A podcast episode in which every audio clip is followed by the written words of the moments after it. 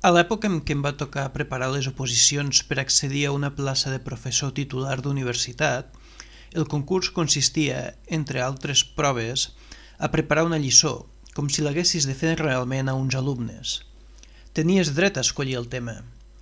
Llavors, servidor estava seduït per la història econòmica degut a l'extraordinària influència del professor valencià Rafael Aracil, el mestratge del qual ha estat per a mi tan imprescindible com el del professor Josep Termes. Vaig decidir preparar la lliçó sobre els orígens i les conseqüències del crac de 1929.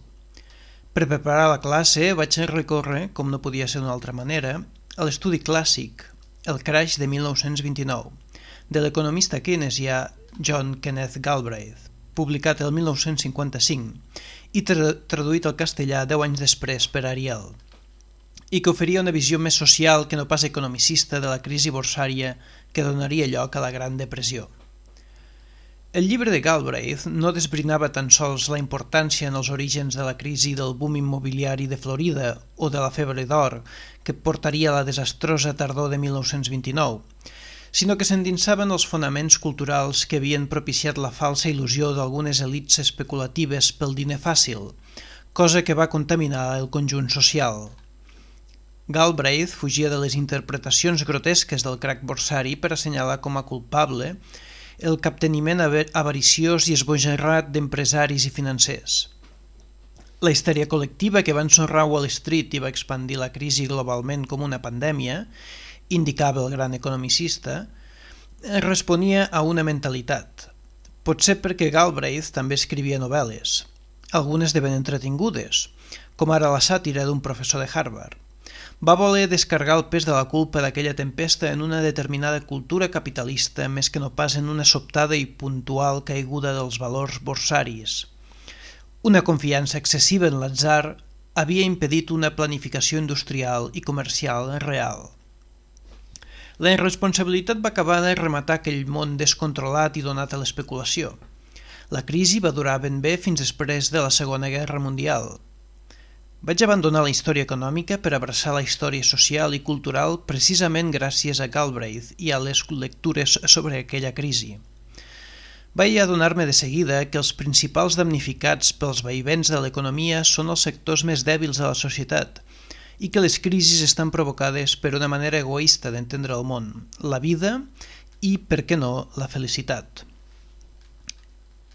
En aquests dissortats dies de pandèmia vaig llegir un titular en un diari català que deia «El coronavirus castiga més els afroamericans als Estats Units», com si això fos realment una novetat.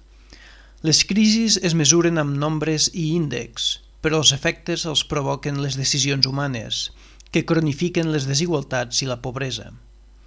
A les presons dels Estats Units hi ha més presos afroamericans que caucàsics. És de l'organització social que se'n deriva tota la resta.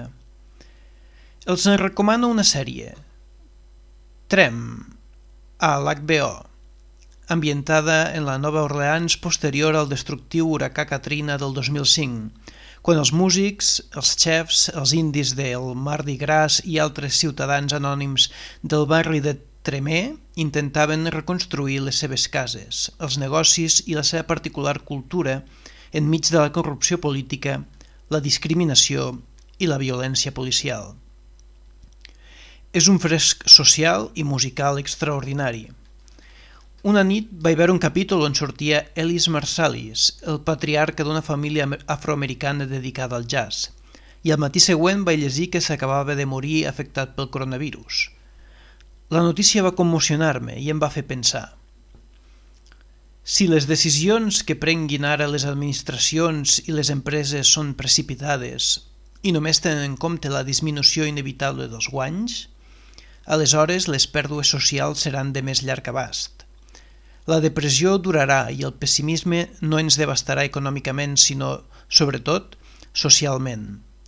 Els que ara prenen decisions dràstiques i precipitades, arrossegats per la por i per la molt mala gestió de la crisi que han demostrat alguns estats, el pitjor l'espanyol, segons els observadors internacionals, poden aprofundir i allargassar encara més la crisi econòmica. La crisi haurà començat per un virus anomenat Covid-19, però la destrossa social tindrà un fonament cultural.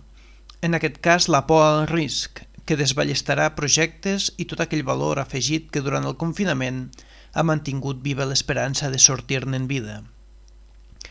Tant de bo que aquesta crisi propiciï un canvi en la manera de concebre el món i ens en sortim, com desitjava l'historiador Tony Judd. A molts científics els manca l'humanisme que hauria servit perquè compartissin el que ja, saben, ja sabien des de fa mesos. Les ciències humanes ajuden a dignificar la humanitat. El meu company a la UB, el catedràtic de Psicologia Joan Guàrdia, fa poc va publicar un article per reflexionar sobre la universitat després de la pandèmia. I incloïa que la universitat de l'endemà de la pandèmia haurà de tenir en compte prioritats fins ara no sempre reconegudes i amb especial atenció a les professions sociosanitàries. No ho nego, però no exclusivament. Si alguna cosa ens ha demostrat aquesta crisi, al igual que en les crisis anteriors, és que amb un pensament fallit s'acostumen a prendre decisions equivocades. D'aquí que per remuntar aquesta crisi sigui tan important invertir en les humanitats, que és tant com dir en la cultura, i en tots aquells projectes que ens ajudin a reflexionar complexament sobre com som i per què viure sense cultura, com ja s'exclamava Rafael Argullol el 2015, abona un malestar simplista. Sense invertir en el foment dels valors i de la reflexió, seré feliç el dia que TV3 dediqui la marató a la investigació humanística, serà impossible recuperar l'oferta i la demanda econòmica. Cal un nou pla keynesià que apunti a la reconstrucció de la mentalitat humanista. No n'hi haurà hagut prou a aplaudir el personal sanitari cada vespre.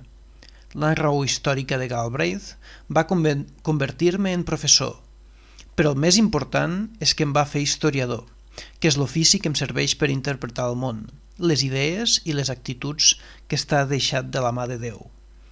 Cap societat es recuperarà d'aquesta crisi sense fomentar que la raó humanista triomfi sobre el mal. Sense roses ni llibres som animals.